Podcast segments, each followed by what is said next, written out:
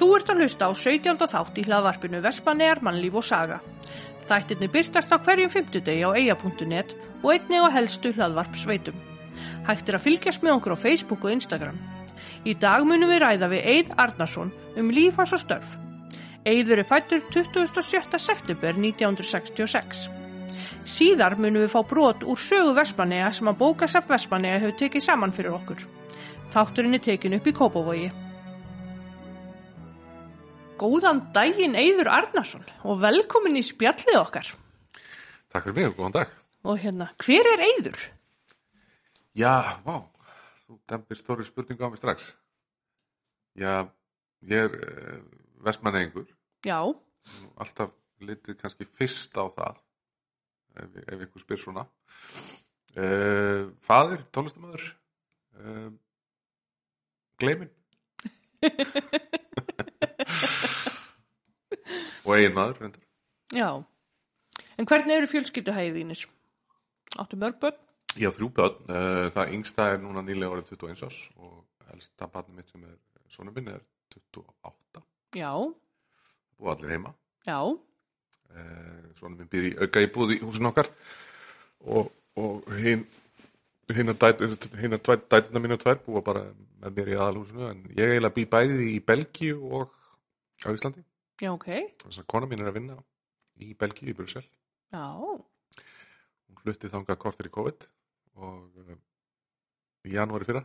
já, ok. Þannig að hún náði tveimur mánuðum af svona einhvers konar eðlilegu lífi þar Já, og er síðan búin að vera eiginlega lokuð inn í íbúðinu sinni þar. já, Þannig að ég er mikið á flakki á milli og á þessum COVID-tímum þá er maður fær svona smá saminskupið í því, já, mikið kvartað já, að fólk skulle þurfa að vera að ferðast og mann er stundum líkt við bara eitthvað sem ferðast að ganni sínu sem mann vansi ósangjant. já. Og ertu þá mikið í sókví? Ég er búin að taka fjórar eða fimm hérna heima, já.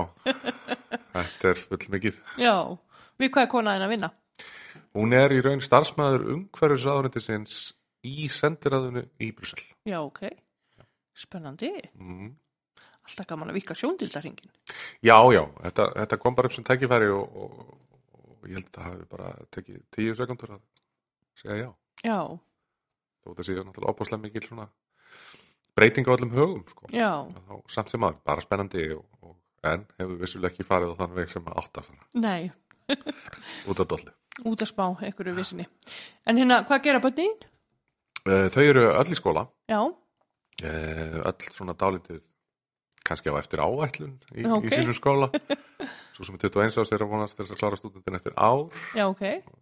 23 ára dóttir mín eitís, hún uh, ætlaði að klára stúdentin núna í vor en á því ekki alveg, þannig að hún klárar hann vonandi í sumar, Mm. stefnir á háskóla í framhaldi og svo er sonum minn líka í háskólanum, hann er einhverfur Já, ok. og hann er í sérstöku námi fyrir fólk með þróskaskerningu Já. í háskólanum sem, sem að gengur í raun út á að uh, þau, þeim þeim er gert kleift að- læra í rauninni að vera stuðningsfólk fyrir annað fatlað fólk eða jafnvel að vinna á sambílum eða, eða jafnvel í dagrætvel í skóla eða eitthvað svoleiðis að þetta er ansið sniðugt nám Já, það finnst mér. Ekki vissi ég af þessu. nei, það er ýmslegt til Já, greinilega. Já. Frábært. þetta nám átt að standa í tvö ár en er búið að framlengja það meitt ár út af Já, ástandinu já. Og gengur honum bara vel og... gengur mjög vel, já, Já, já. æðislegt. svo er ég að kenna hann um að gera bíl og við erum búin að fara í 95 æfingarstustíma Já, frábært. þannig að hann er að fara að taka bílbróði núna í, mæmónandi Já, æðislegt. Hérna, hvernig var að alast upp í eigum? það var bara frábært uh, maður náttúrulega hefur auðvitað engan samanburð Nei, þannig er það nú bara en ég er alltaf þakklátur fyrir það að hafa alist upp í eigum og, og á mjög góða vini og kunningja frá mínum uppvexti og, og má segja sko besti vinur minn sem krakki er en þá besti vinur minn. Og já, búum reynda báðir hér upp á Hástalandinu og svo, svo sem að svona kom næstur inn sem besti vinnur, hann er það ennþá líka. Já, og hann býr hérna reynda líka er, þetta eru Guðjón Ólafsson, Guðjón Stapa já, og Arnar Jónsson. Eh, við heldum ennþá mjög hópin og heldum allir með Vestbrómis Albjörn sem er samtals svona 15 aðrir á landinu gera. En er nú ekki mikil raunverulegu fótbolta áhuga maður, hún tókst að hún tókst að vera í háskóla í Birmingham í heilt ár já, á þess að vita að Vestbrómis er frá Birmingham. Ég veit ekki alveg hvernig hann fór að því en, en áhugin er nú ekki meir en svo í raun. Já, fór eitthvað fram hjá honum aðeins.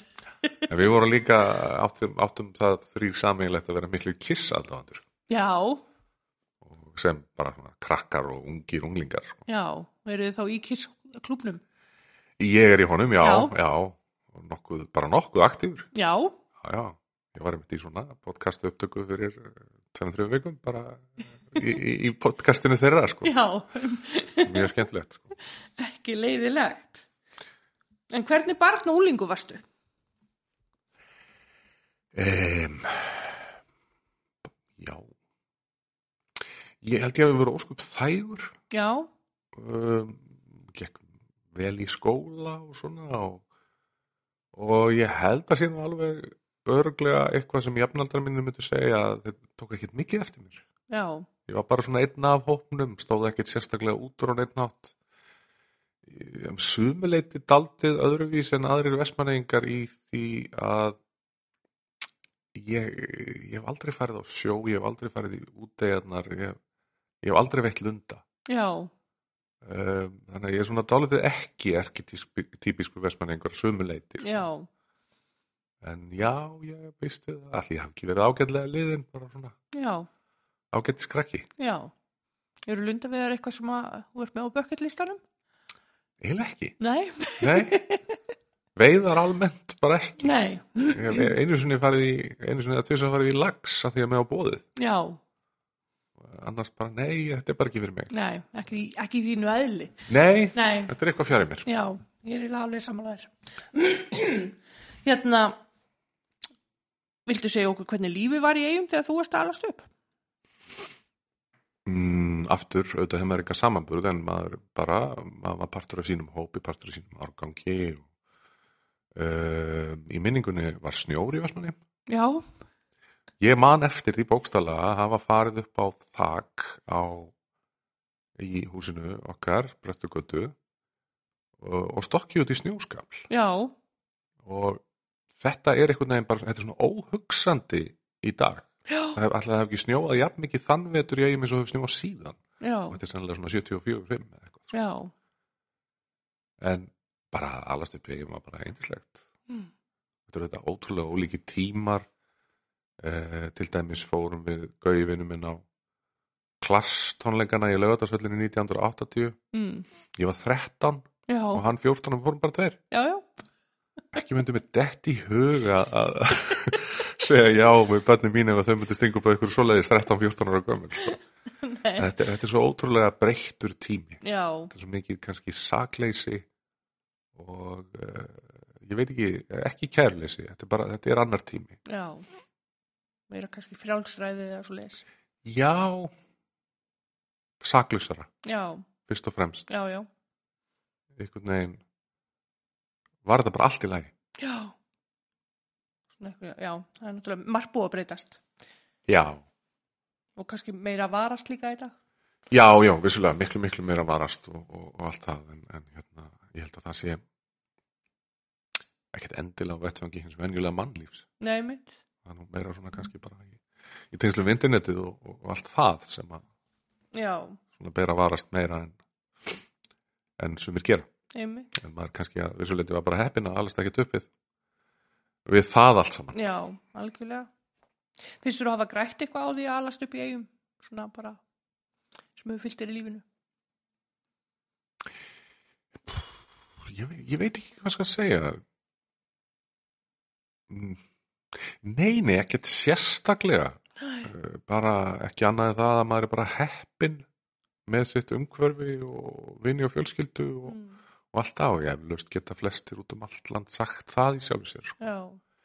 ég uppliði aldrei mikla einangrun að vera út í eiginni sko. mhm, uh, samt svona þegar maður hugsaður aftur þá þá var þetta heilmikið fyrir því haft að fara upp á fastalandið sko. já, já, en og ég menna mig ég man alveg eftir að hafa farið inn að herjólsverð það sem hafa snúið við við vinni þólasafnar og farið tilbaka og, og maður komst ekki eins og í land og var fjóra tíma. Einmitt, eh, fjóra tíma hvora leið sko.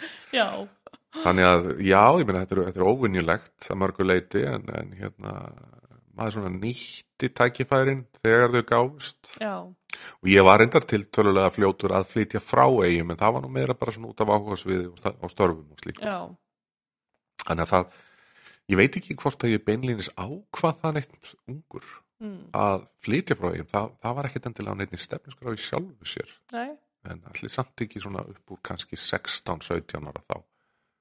Þá byrja ég að í rauninni stefna því bara að vera aðtöfum tónlistamæður þá svona segir sér sjálft að, að, að Vestmannegar er ekki já, alveg rétt í stað já. Byrjaður í tónlistunámi þá endalega í Vestmanni. Já, ég, ég byrjaði 1980 þegar ég er 14 ára. Já, byrjaði sem rótari já, í skóla hljónsettinni Titanic eða Titanic eins og við sögum já, og uh, ég var algjörlega afleitur rótari, ég gæti ekki neitt sko.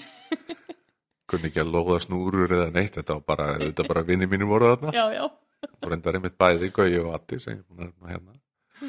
Og uh, bassalegarinn í þeirri sveit hætti það Óðinn Hilmisson. Já, bróðir Högna sem að var þá bassalegari líka og er enn þetta en var þá í hljónstinni Radius sem var svona aðal hljónstinni í eigum á þessum tíma. Já, svona eftir loga. Og uh, hann hætti þannig að ég var bara munstraður á, á bassa í staðin fyrir hann, kunni náttúrulega ekki neitt þannig séð, en, en hafði eitthvað pingulítið á gítar, þannig að það Já. var nú eitthvað smá grunnur til staðar.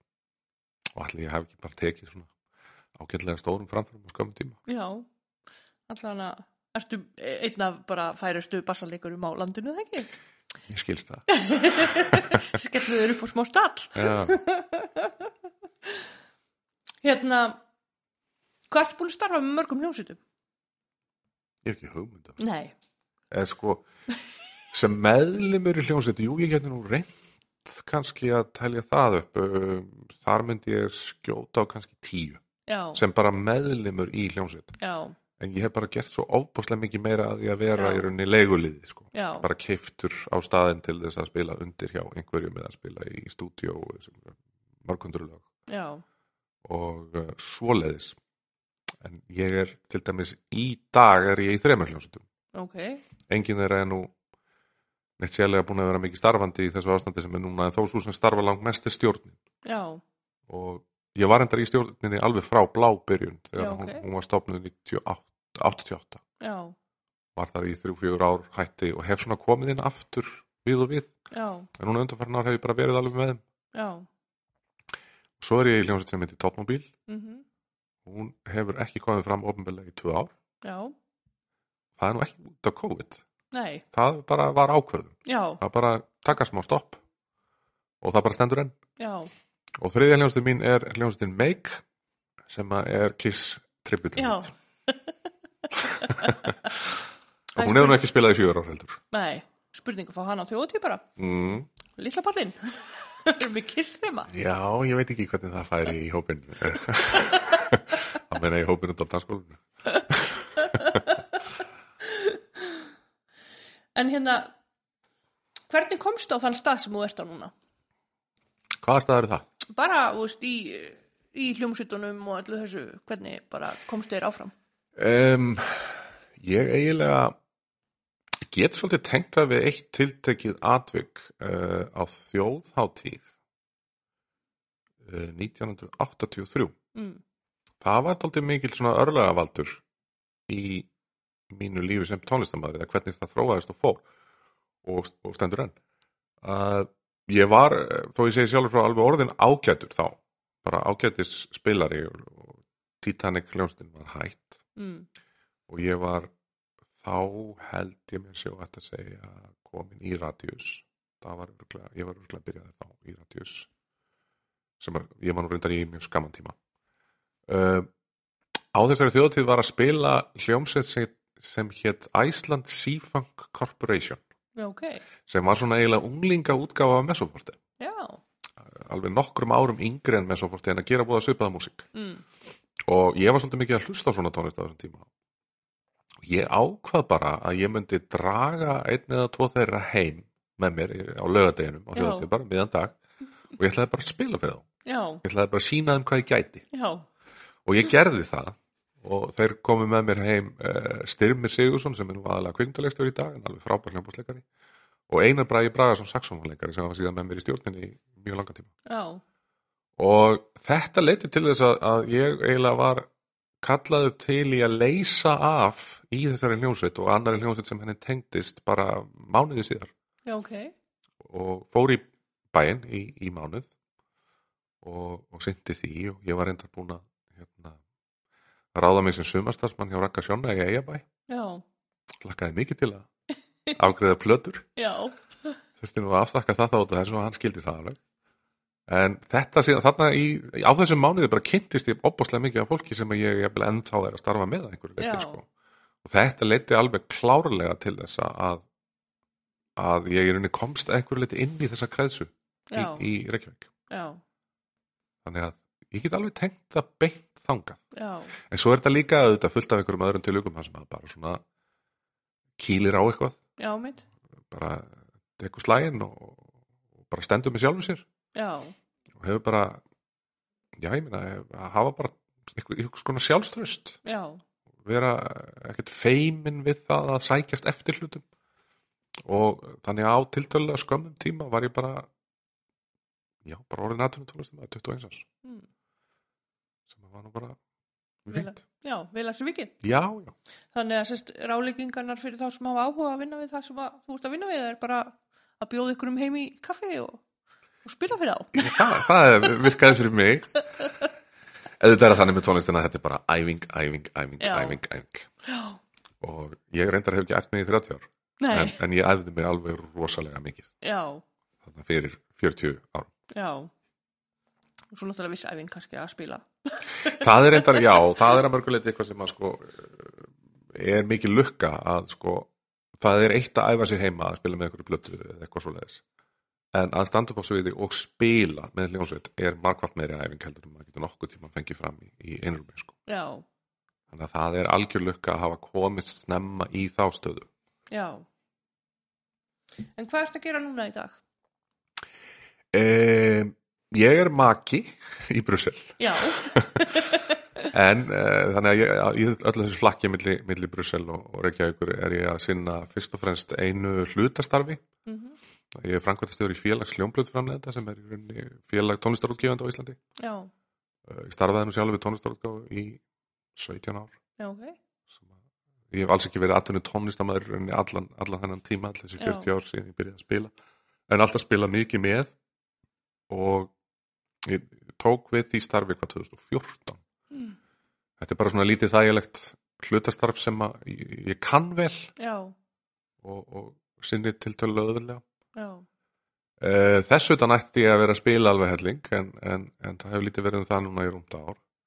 En ég hef staði fyrir ansi stórum tónleikum já, vísna oft og í mörg, mörg, mörg ár. já, Ég og félagi minn Þorvaldur Bjarni, gítarleikari í tónmobil, við höfum lítið kompani sem að heitir TMB Events og höfum verið að setja upp uh, verk eins og Jesus Christ Superstar og Evitu og innráðsuna frá Mars og Phantom of the Opera, þetta er allt saman rísastór verkefni, kannski hundra manns á sviði sko.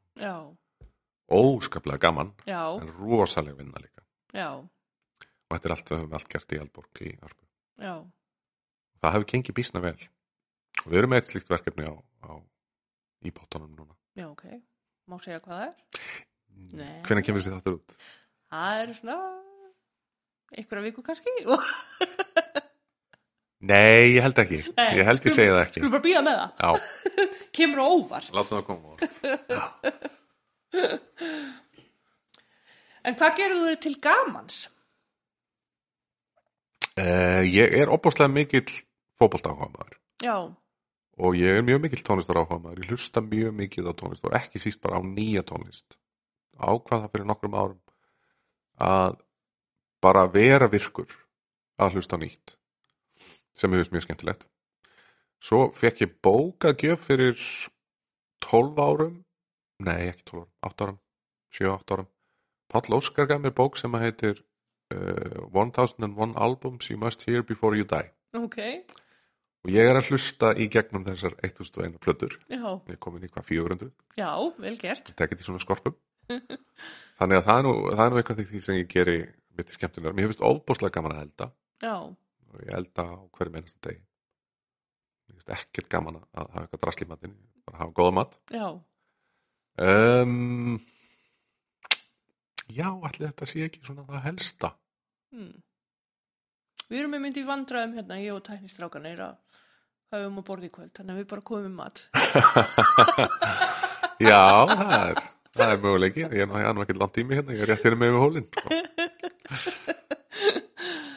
En hérna, hvað er stæðsta prakkarastriki sem þú hefur gert? manstu ég sagði hann ég hefði verið þægur ég var alveg að meina það sko ég, veistu Alge engill bara. Já, ég myndi, ég get ekki svarað þessu. Nei, bara alls ekki engin sko. stríðinsbúki er. nei, Nei, frekar lítill held ég. Já, og alveg dannaður. Já. Kemur oft til eiga? í þessari spurningu bjóst ég við. Já, og svarið er nei, ég kem ekki nóg aftilega nei, það hefur einhvern veginn verið dóltið þannig að ég hef spilað í eigum nokkuð reglulega og það hefur einhvern veginn ég vil ekki segja dugað. Mhm. en það hefur samt einhvern veginn æxlast þannig að ég hef látið það duga. En eins og núna ég hef ekki komið til að eiga í tvö ára minnstakosti já, það er bara alltaf langur tími sko. en auðvitað tengist þetta því að af minni nánustu fjölskyldu þá er bara pappi já, í eigum og það hefur alveg sín áhrif og hann er heilmikið hér upp á fastalandinu líka. Já, og við tölum mjög saman í síma og svona þannig að það, það er ekki svo margt sem að sko dregur mig mitt, en mér finnst alltaf jafn rosalega gaman já, að koma til eiga og, og ég, ég hef nú alveg komið á þess að eiga þangað erind upp á svið sko. já, já, að sjálfsögðu ég fór til dæmis fyrir nokkur árum og ljópa hálft marathon í eigum sem var alveg æðislega upplifun. Já, og uh, náttúrulega farið á þjóðatíð undanfarin ár nokkrum sinnum en það hefur reyndar alltaf verið þegar ég verið að spila. Já, en svo hef ég verið lengur já, ég er já, kannski að spila á föstudags og lögutaskvöldi nýja samt alltaf þjóðatíðina já, á meðan félaga mínir fara bara strax heim um leið og eru búin að spila sko. já, en ég hef alveg klárað þjóðatíðina sem slíka og, og, og verið með árgangsmót.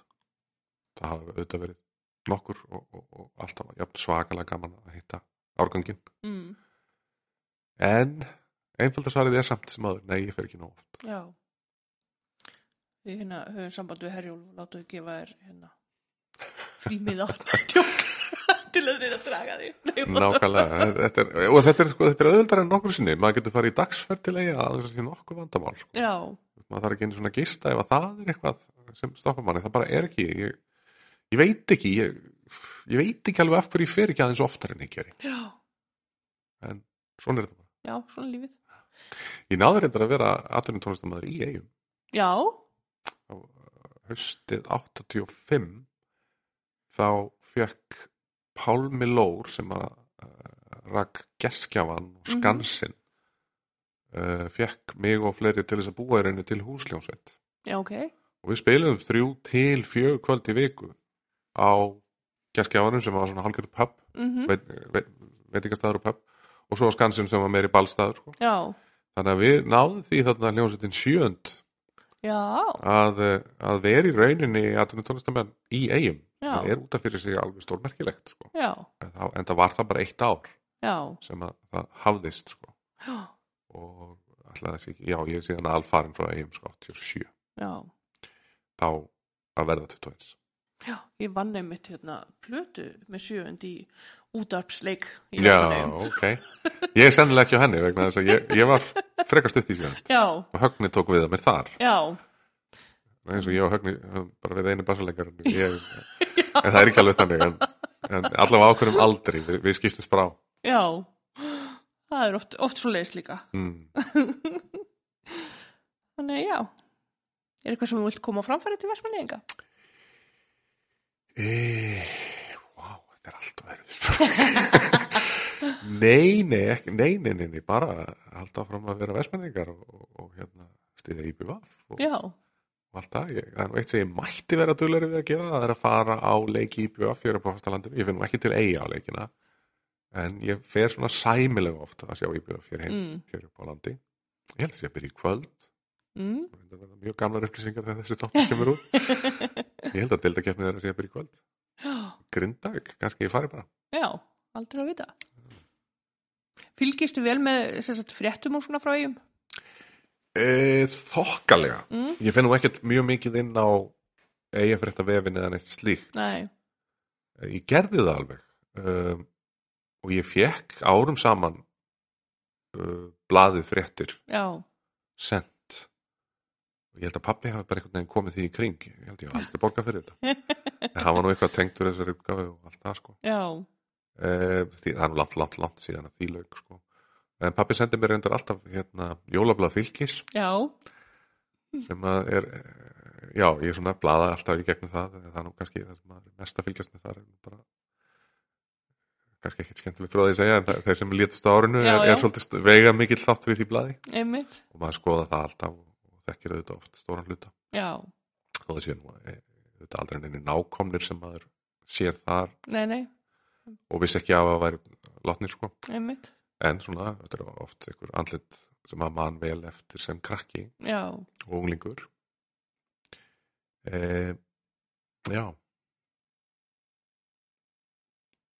Ég veit ekki, er, er einhver önnur leið en eigafrétta vefurinn það er bara leiðin. Eigafréttir og eiga.net og já, tígull.is tígull.is mm ok, þannig að það er svona er það svona frétta síða frá Já. þeim? Já, ok en svo fylgist maður náttúrulega bara með heilmiklu gegnum Facebook, já, mitt, bara Íris frænka minni bæðastöru og já, ég sé þetta allt sem hún setur þar inn og maður svona kíkir á það sem hún hengir þar við ofta ykkur blaðagreinur og ykkur viðtölið eitthvað, jú, jú, þannig ég fylgist alveg með.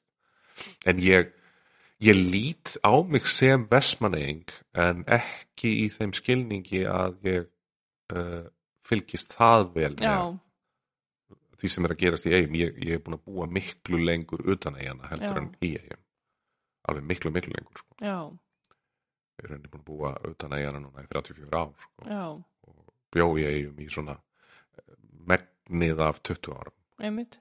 Ekki þá einu sinni alveg, ég fór allavega einu sinni í heilt ár í burtu og svona til í gósinu þá. Fór maður í burtu í næstum því heilt ár. Já, ég flutti nú reynda mjög snemma til eiga eftir gós pappi var allan tíman í gósinu í eigum já, ok. Og ég eiginlega náðan aldrei það í gegna að flytja til hans fyrir jólin uh, 73 já, og var svona með uh, frekar svona fyrstu krakkonum sem var þá í grunnskólanum sko. það var held ég bara ein, ein bekkjadelt held ég. Já, á þessum tíma, ég man ekki hvort ég flutti kannski í september, oktober mm, 73 til eiga aftur sko. en mamma og, og sýstir mín kom ekki fyrir, fyrir einhvern tíman nánast undir vor já, 74 sko. já, þannig að þá, jú ég held ég geti alveg sagt að þá tókuði ég hérna alveg rosalega mikið. Já, og ég var ekkert að pæla í að hvort að vinni mínu væru farnir eftir til eiga eða ekki, ég bara vildi fara til eiga.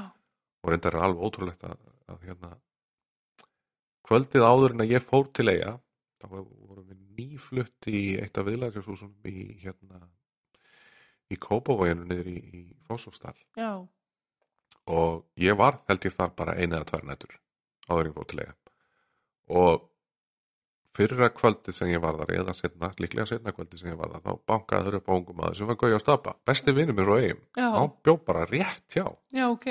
Og við fórum út að leika og voða gaman og hittast aftur þannig eftir ykkur allmarga mánada stopp sko. Já, og svo fór maður bara heim að sofa og hann fór heim að sofa og ég saði mikið einu sinni frá því ég var að fara til eiga daginn eftir þannig að hann kom daginn eftir og bankaði aftur. Og bara enginn heima? Nei hann er, hann er fluttið til eiga svona við nú bara svona kæruleysis gangurinn í sem já. krakka sko. Þetta kom ekki til nei, kom ekki upp í hugan einu svona að segja Nei, hann frá því sko. ekkert stress sko. Nei, nei, nei. en hvernig var að koma til eiga í eftir gósið eða já, þetta er náttúrulega svo stutt eftir gós bara. Já, það er náttúrulega búið, auðvitað búið að móka heilmikið og, og hreinsa heilmikið til en mannlífið var auðvitað fátaklegt, einfallega vegna það var bara tölulega lítið af fólki sko. ég hef enga hugmyndum hversu margir voru komni til eigi á þessum tíma aftur en eflaust bara nokkur hundruð. Mhm, uh, ef ég maður rétt þá var sko íbúafjöldin mestur fyrir gos með 5200 eða Já, mitt. og hefur náttúrulega aldrei náð því nei, eftir gósið en hérna já, þannig að ég, ég man nú ekki hvenar þetta er svona byrjað að líkjast því sem fyrir var. Já, en því að það er örugglega ekki fyrir svona 75 sko, já.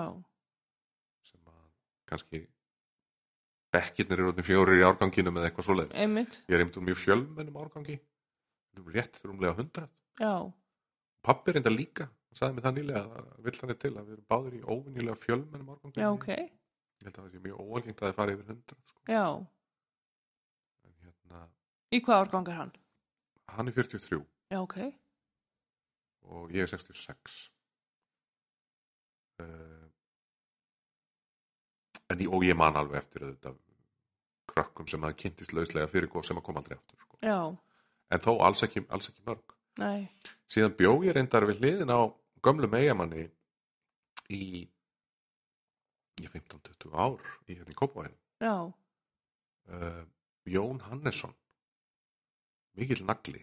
Já, hann fór frá eigum í gósinu og hann kemur reyndar fram í hérna myndinni hans kvata já, um, útlýtingur heima, já, já, um svona sálrænu hliðina á þessari upplifun fjölskyldnana sko. Mhm. það mátti einhvern veginn aldrei tala um hvað þetta var erfi einmitt, allt ekki á nefanum og allt það hann er í þeirri mynd og hann er svo gjössalega skjön við alla þeirra. Já, vegna þess að hann leit bara svo á að gósið hafi verið hálfgerð blessun fyrir hann að geta bara flutt frá já, og koma börnunum sínum til menta já, sem hann stóð bara við og hann er algjörlega skjön já, við já, alla þeirra í þessum þætti sem er mjög gaman að sjá. Alveg rosalegu karakter. Hann, hann varð 105 ára gammal já, og hann bjó heima hjá sér allan tíman hann bjó í næsta húsi við mig. Já, og þegar ég fluttið ánga þá var hann 87 já, og ég hugsaði henni ekki, á ég er líklega að fara að fá nýja nágranna bara mjög fljóðlega hann liði til 105 ára aldurs. Hann kerði bíl til 130 ára aldurs. Já, hann var, að, hann var að þvælast upp á þaki að laga loftnetið og eitthvað svona 102 ára. Það er svolítið mikill svona já, nagli frá Vestmanni algjörlega, alveg ótrúlegur kallar ekki allt ömmu sína þannig, nei, nákvæmlega. Og hann sagði mér ekkert í hann frá því að sko honum tókst að berjast við nasista í Vestmanni í, í 1930 já, þá var þess auðvitað eins og allstaðar annars staðar í heiminum var einhvers konar nasisma uppgangur. Já, já, auðvitað í eigum eins og allstaðar annars staðar. Einhverju svona öfga hægri sinnaðir einstaklingar sem að sá eitthvað gott í þessu. Já, og hann sagði mér ekkert frá þessu já, hann hefði náða slást við nasista í eigum það hefur verið skemmtilegt að tala við hann, já, hann hefði mikið að segja. Ertu með fleiri sögur frá honum? nei, ekkert sérstakt held ég. Nei, nei, nei, þú mann svona, nei, nei, svo sem ekki. Nei. Þá bara viljum við þakka þið kærlega fyrir komuna og bara vonandi fáum við kannski bara heyri þér fljótlega aftur þegar að lífið er komið í svona eðlilega skorður eftir COVID. Já, einmitt, hver veit, það verður vonandi mjög fljóðlega Já, kannski bara í Vestmanniðum, aldrei að vita. já, kannski, Bara takk kærlega. takk, takk Nú fáum við að heyra upplestur og grein úr gamalt og nýtt, mánaðariti síðan júni 1950, sem Einar Sigursson var rittstjóri af. Greinin sem lesin er ber nafnið brúköpsveislur í Kumbaldanum og er heimildamaður Ólöf Jónsdóttir byggðarholti Vestmanneigum. Síðar er lesin kaplinn brúköpsveislur, brúðargangur og fleira úr fyrsta bindi sögu Vestmannega sem Sigfús M. Jónsson skrifaði. Þetta er sögubrot í bóði bókasaps Vestmannega. Hægt er að afla sér nánari upplýsinga um fyrirnemt fólk á heimaslóð.is. Brúkupsveislur í Kumbaldanum Áður en Templarahúsi var byggt í Vestmannegjum og jafnvel fyrst á eftir voru all flestar brúkupsveislur haldnar í svonundum Kumbalda. Einstaka brúkupsveislur voru þó haldnar inn á Tonga. Kumbaldin var upphaflega tvö hús en síðar var byggt á millið þeirra og bæði húsin sett undir eitt þak. Varð húsi við þetta ólögulegt og dróð það nafni að því. Kumbaldin brann til kaldra kóla í áspyrjun 1950. Var nisti hluti hans elsta húsi í Vestmannegjum. Hús þetta var nota til þess að geima í því saltfisk á vetrum og þurrfisk á sumrin. Í nista húsinu voru síðar beituskúrar eftir að fara að nota línu. Þegar húsi var tómt sem engum var á haustin, þegar fiskurum var farin voru haldnar í því brúkaupsveislur. Þær voru oft all fjölmennar, venjulega sátu þær frá 50 og allt upp í 120 manns. Þegar að brúkupsveislur skildi halda var byrjað á undibúningi þrejami til fjórun dögum áður en brúkupi skildi standa.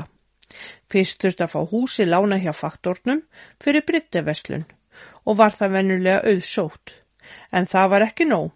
Einni þurfti að fá faktorinn til þess að lána livrabræðsluna til þess að elda þar matinn, en þar voru hlóðir og stór pottur sem var hendur til fyrra hluta. Þá þurfti að fá vestlunarstjóran til þess að lána úr vestlunni timbur í borð og bekki, léref til þess að dúka með borðin og svo öll matarílát og borbúnað. En það sem ekki fjækst í vestlunni var fengið lánað út um bæin. Allt var þetta léð gegn því að borga það sem brotnaði. En brúguminn eða nánustu vandamann hans eða brúðarinnar voru líka oft góðir viðskiptumenn vestlunnar og allt sem nota var í vestluna úr búð var keift hjá Briti. Þá þurfti að útvega tvo eða þrjá framistöðumenn. Jafnframt höfðu þann starfa með höndum að bjóða í vestluna. Fóru þeir á bæina kvöldið áður og sögðu við þá sem bjóða átti. Brúðhjónin byggja að helsa ykkur og byggja ykkur að príða brúköpsitt með því að koma á morgun í brúköpsitt. Búrkonu þurfti að útvega og stúrkur henni til aðstóðar. Þrýr dagar fóru vennilega hjá þeim í öndubúa visluna og ganga frá öllu og eftir. Þá var að útvega öll mat og drikkjaföng. Framan af voru matföngin oftast steik eða kjötsúpa. Hangikjött týðkaðist ekki í vislum fyrir nokkru eftir aldamót. Víni var aðalega rom og brennivín. Venjulega var byrjað að matselda morgunin sem veislan átt að vera. Eldúsi var tiltulega skamt frá og stó búðin á milli kumbaldans og þess. Þegar kjöti var full soðið var það fært upp á pottinum og geimt í trógum eða bölum. Eins og áður segir var aðalmaturinn steikt kjöt eða hongikjött og var þá kjötið borið heitt. Með kjötinu voru hafðar brúnaðar kartublur eða kartublujafningur, einni gullrófur. Var þetta borið fram heitt. Á eftir var höfð súpa, annarkvort kvít sagósúpa eða rauð sætsúpa með sveskum og rúsinum. Einni var stundum hafður hrísgrunavellingu með rúsinum. Með matnum var drukki rauðvín. Matatilbúningurum fór fram í söðurhúsinu en til borðs var seti í því niðra. Tíðars var gift klukkan 12 til 2 að deginum til. Þegar því var lokið var haldi beina leið á visslustafinn. Út úr kirkjunni gengu brúðhjónin fyrst, síðan svaramenninir og nánustu ættingar brúðhjónana. Þetta helst þó ekki nema rétt út fyrir kirkjudirnar, síðan gekk hver eins og honum síndist. Þegar úr kirkjunni kom var búið að láta allt á borðið nema matinn og verð þá þegar sest að borðum. Framistuðumennirnir báru nú matinn inn og var þá byrjað að snæða. Þeir sem sjálfsæðir voru í hverri vestlu voru presturinn, síslumadurinn, læknirinn og faktorinn og svo merkisbændur og venslafólk og kunningjar brúðhjónuna eins og gerist.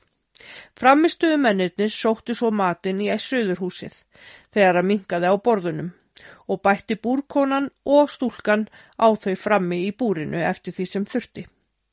Yfir borðum voru fluttar ræður og voru helstu ræðumenn, presturinn, læknirinn og fleiri. Þegar búið var að borða voru borðin tekin upp nema eitt borð sem sett var á annan enda salarins og var þar á smurt brauð sem allir gáttu fengið sér, rom og heitt vatn. Framistöðumennirnir löguðu púnsið. Kaffi gáttu allir fengið þegar þeir vildu. Svo að farið að dansa eftir harmonikumúsík. Dansarni voru hraðir í þá daga og var mikið fjör í dansinum. Menn voru sætkendir en fáir meira og engin yllindi það kom fyrir að menn kvittu sér hljóðs eftir borðhaldið en heldur líti varum það. Þeir sem ekki dönsuðu spiluðu oft á spil. Var mikið sungi og ríkti glaumur og gleði í þessum góða fagnaði allt í klukkan 6 um morgunin og skildu menn þá með vináttu og góðum framtíðaróskum. Heimildamadur er Ólef Jónsdóttir byggðarholti Vestmannegjum.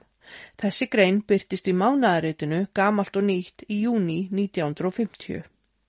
Nú veru lesin kapli úr bókinni Saga Vestmanniða bindi 1 sem Sigfús M. Jónsson skrifaði og var gefin fyrst út 1946. Hinn í gömlu brúköpsiðir voru að mestu hornir hér á landi um 1800, nema brúðargangurinn.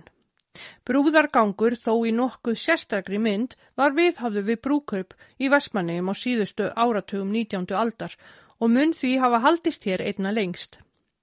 Morgungjöfin er helst virðist vera leifar hins gamla siðar að bjóða í brúðarsængina. Týðgæðist í eigum fram um 1870. Brúkaupsveislur, brúðargangur og fleira. Brúkaupsveislur munu lengi hafa verið helsti og mesti mannfagnar ásins í Vestmanægjum, eins og víðar hér á landi. Metnaðar sög var hjá flestum að veislunar yrðu sem eftirminnilegastar, enda vel til þeirra vandað. Í stærstu brúkaupsveislunum var bóðinar öllu búandi fólki, að minnstakosti bændum og þeirra liði. Gift var vennulega á haustin, enda var þá og hægast að abla veislufángana og úti helstu annir, svo að allir gáttu tekið þátt í að skemta sér. Í matarveislunum var höfð stórsteik af vænum fullornum sögðum úr útegjum eða hongikjött. Stundu voru farnar auka ferðir eftir skilarétt í útegjar til að sækja veislusauði. Komi gatt fyrir að brúkaupi var að fresta sökun þess að eigi var hægt að komast í útegjar í tækatíð til að sækja fjöð, sökun brims og storma. Tveir framistöðumenn eða jafnvel fleiri voru í hverri veistlu. Þótti virðingi því að vera framistöðumadur og til þess oft valdir reppstjórar, meðhjálparar eða helstu bændur.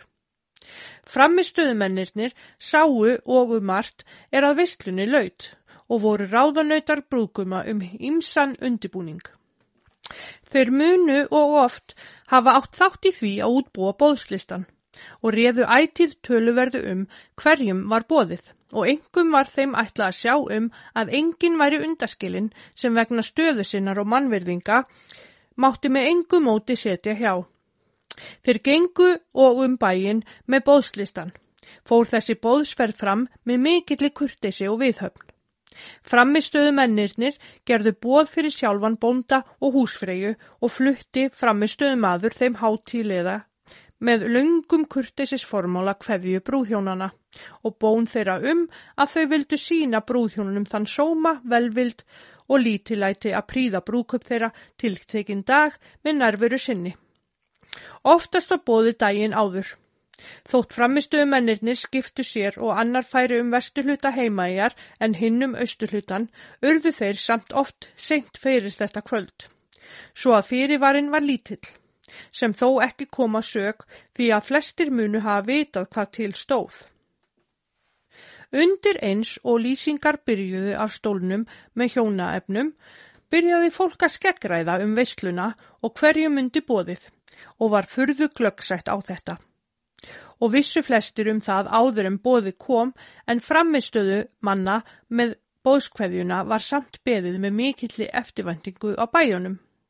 Öll vinna hætti í baðstofunni, kampar og rokkar þögnuðu meðan hinn hátilega bóðskveðja var flutt. Konur huguðu enn á ný að fatakistum sínum en búi var að viðra og busta sparifötun undarfarna daga svo að ekkert var áfátt í þeim efnum. Veistlurnar voru oft haldnar í þinghúsi eigana og stundum í einhverja vörugeimsluhúsum kaupstæðarins er stóðu tóm. Var veistlusalurinn allu tjaldaður innan og skreittur. Á setni hluta 19. aldar meðan hinnir viðhafnar miklu brúkaupsiðir voru í gildi kom bóðsfólki á veistlustafinn þegar klukkan tíu að morgni og settist að borðum, snætti morgumverð áður en fari var til kirkunar, smurt brauð með kjötu og öðru ofanálægi og drakk kaffi. Að borðhaldi loknu var farið af stað til kirkunar og gengin brúðargangur þangað. Um 10 til 15 mínúna veg og farið mjög hægt. Allt bóðsfólki gekk brúðargangin og var því rafa niður. Í brotti fylkingar gengu brúðarhjónaefnin og leittust, en á undan þeim fóru tveir brúðarsveinar, ungir piltar 12 til 16 ára gamlir, þegar brúðarfylkingin nálgæðis kirkjuna var kirkjuklukkunum samhringt og brúðarhjónin hringt inn. Brúðarsveinanir staðnæmdust utan kirkjudýra og gengu brúðhjónin fyrst inn kirkjugólfið og settust í innstu kirkjustólana fram af kórnum. Brúðurinn hægra megin og brúguminn vinstra megin og svara mennirnir hjá þeim. Hóst nú hjóna vikslan og voru brúðhjónin leitt upp að alltari og fór nú allt fram á venjulegan hátt. Fólk veitti því sérstaka aðtigli hversu brúðhjónunum fóst, er þau risu frá grátunum og leittust frá alltarinu og var oft mikið um það talað á eftir. Ef þau fylgdu eigi nákvæmlega settum reglum hér um og þótti sem eftir þessu færi um að halda skildu reglur hjónabansins, að lokinni messugjörð gekk bóðsfólki til brúðhjónana til að taka í hönd þeirra og óska þeim til hamingju. Nú var kirkuklukkunum samringt og brúðhjónin ringt út. Um leið og brúðhjónin gengu út úr kirkunu dundu við skot úr bissunum á skansinum, litlum fallbissum og var skoti mörgum skotum til virðinga við brúðhjónin. Úti fyrir kirkudurum skipaði fólk sér í aftur í fylkingu, gengu brúðasveinani fyrir eins og áður og brúðhjónin næsta á eftir og hitt fólki í langri halarófu tveir og tveir í röð. Brúðurinn bar jafnan hinn íslenska hátíðabúning. Þegar komi var aftur á veslustafinn voru framistöðumennirnir þar fyrir, tóku þeir á móti fólkinu og skipuðu því í sæti. Brúðhjónin tóku sæti fyrir miðju háborði og presturinn næst brúðinni. Síðan aðrir virðingamenn og svaramennirnir og nánustu ættingjar til begja hliða. Var þannig skipa niður báðu megin eftir virðingu. Háborði var spóruskulagað og gengu borð og bekkir til bekkja hliða út frá því. Tvísett eða fjórsett eftir fólksfjölda. Fyrir háborð var lengi notað borðið úr þingúsi eigana og var það flutt á veistlustadin ef veistlan var haldinn annar staðar. Yfir háborðinu fyrir gafli var hengt upp flagg herfylkingar Vestmanneja Stórt silkiflagg með gullnum stöfum. Veggir voru tjaldaðir flöggum og dúkum. Háborði var dúglagt, á neðraborðinu voru lögð léreft. Þegar allir voru sestir las annar framistöðumadurinn faði vorið og hóf að syngja borðsálminn og sungu nokkrir aðrir með honum og stóðu frammi við dyr. Að enduðum borðsálmi báðu framistöðumennirnir í nafni brúðhjónuna gesti að taka til matar. Stórsteik af öldum sögðum var í flestum stórveislum. Kjöti var steikt í útieldhúsi dægin áður. Búrkonur voru við fram reyðslu, smurðu brauð og hituðu kaffi og byggu í hendurnar á framistöðumönnunum, er báru inn kjötið á stórum fötum. Voru kjötstikkin borin inn heil, en maður gekk með borðum og skar fyrir. Gerðist nú glaumur og gleði, er menn voru sestir að borðum. Því að eigi vantaði heldur hressingu af víni og var það veitt óspart, oftast brennivín og konjak. Dæmi voru þess að heil brennivíns tunna var lögð til veistlu, auk annars víns. Hvenn fólki var veitt rauðvín og portvín. Mælt var fyrir minni brúðhjónana og hjónaskálinn drukkin. Sungnir ættjarðasöngvar og fleira. Eftir steikina var borin inn rúsinugrautur eða kjötsúpa eða vínsúpa. Loks var brúðarkakan sett á borðið fyrir framann brúðhjónin. Var hún afar stór og ætlast til að sem flestir fengju bytta af henni. Við háborðið höfðu allir nývapur og skeiðar. Sjálfskeiðingar og spænir voru stundum notaðir við óæðri borðin. Áðurinn staði var upp frá borðum var sungin sálmur og lesin bæn. Síðan voru borð tekin upp nema háborðið, er alltaf látið standa og þanga borin vínföng, kaffi og kökur og gatt fólk sest þar og drukkið eftir vild. Var nú tekið að skemta sér, engu við söng og spil. Um dans var lítið því að það kunnu mjög fáir, en fólki þótti ágætt skemmtun að horfa á dans. Spila var undir á fylgu eða harmonikku. Langspil var notað í eigunum fram um 1870. Framistöðumennirnir gengu um með rom og koniakspúns handa karlbönunum og rauðvinspúns handa kvennfólki. Neittur konur þess mjög hægvæsklega og kom það naumast fyrir að vín sæjist á kvennfólki. Karlmenn drukku óspart og voru margir ölvaðir, slöngruðu menn milli borða og skoruðu aðra í kapdrykju og holmgöngur. Urðu af þessu stundum smáskærur og tusk, en sjaldan áflók. Fólk nappaði sig saman og hófust fjöruar samræður um það markverðasta innan héras og úr nærsveitunum er fyrir hafi komið. Sumir sögðu hreisti sögur af sjálfum sér úr fjallaferðum og sjóferðum. Líti fólk á þetta og sögur og skrýtlur og þótti heldur en ekki skemmtun af þessu og oft lengi um þetta talað á eftir.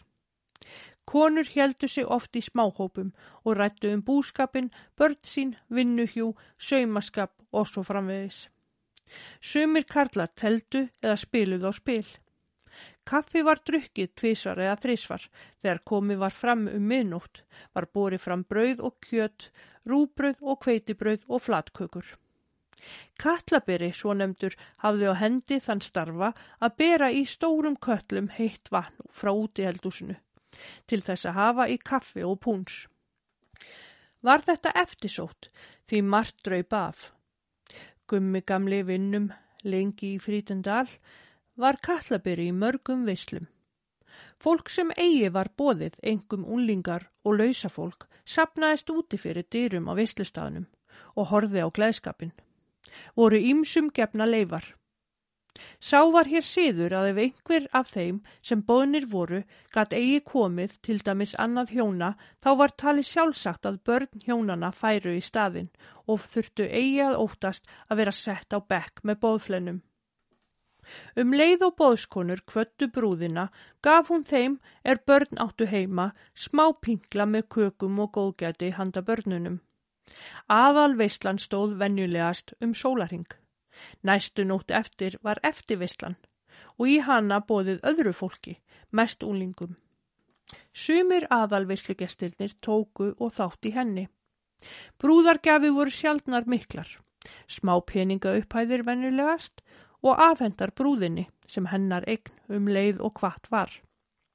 Í sumum vislum var höfð kjötsúpa eða súkulaði og kaffi og á eftir smurt brauð með sírópi og síðan drukki púns.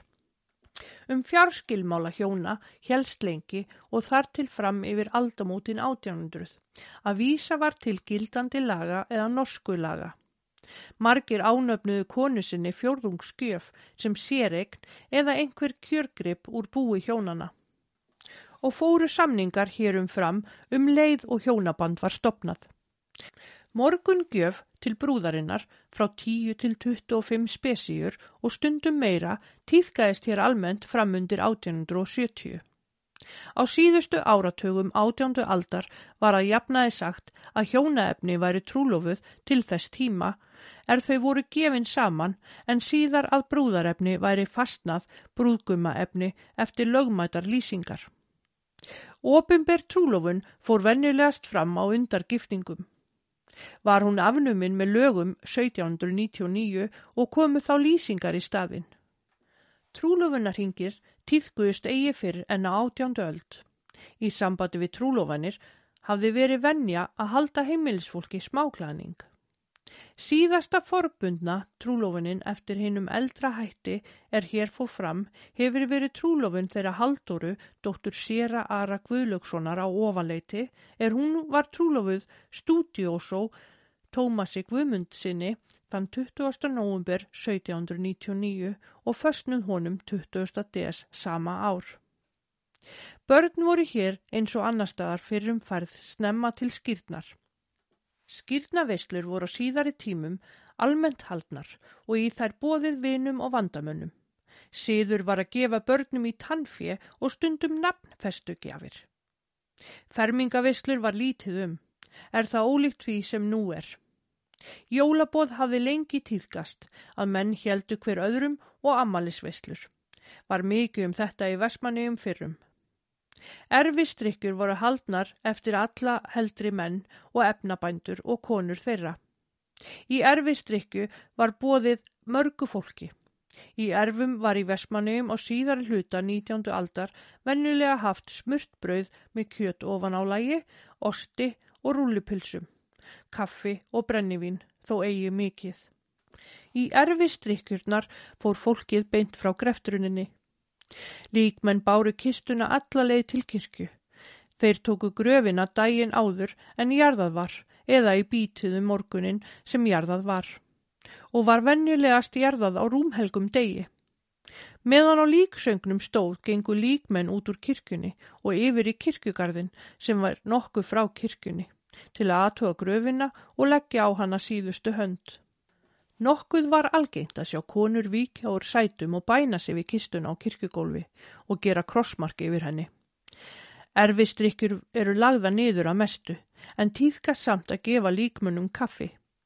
Fram yfir 1880 var það siður er lík fóru jörðuð á sunnundugum að láta kistuna standa inn í kirkju með að messa var og þá jarðað eftir messu.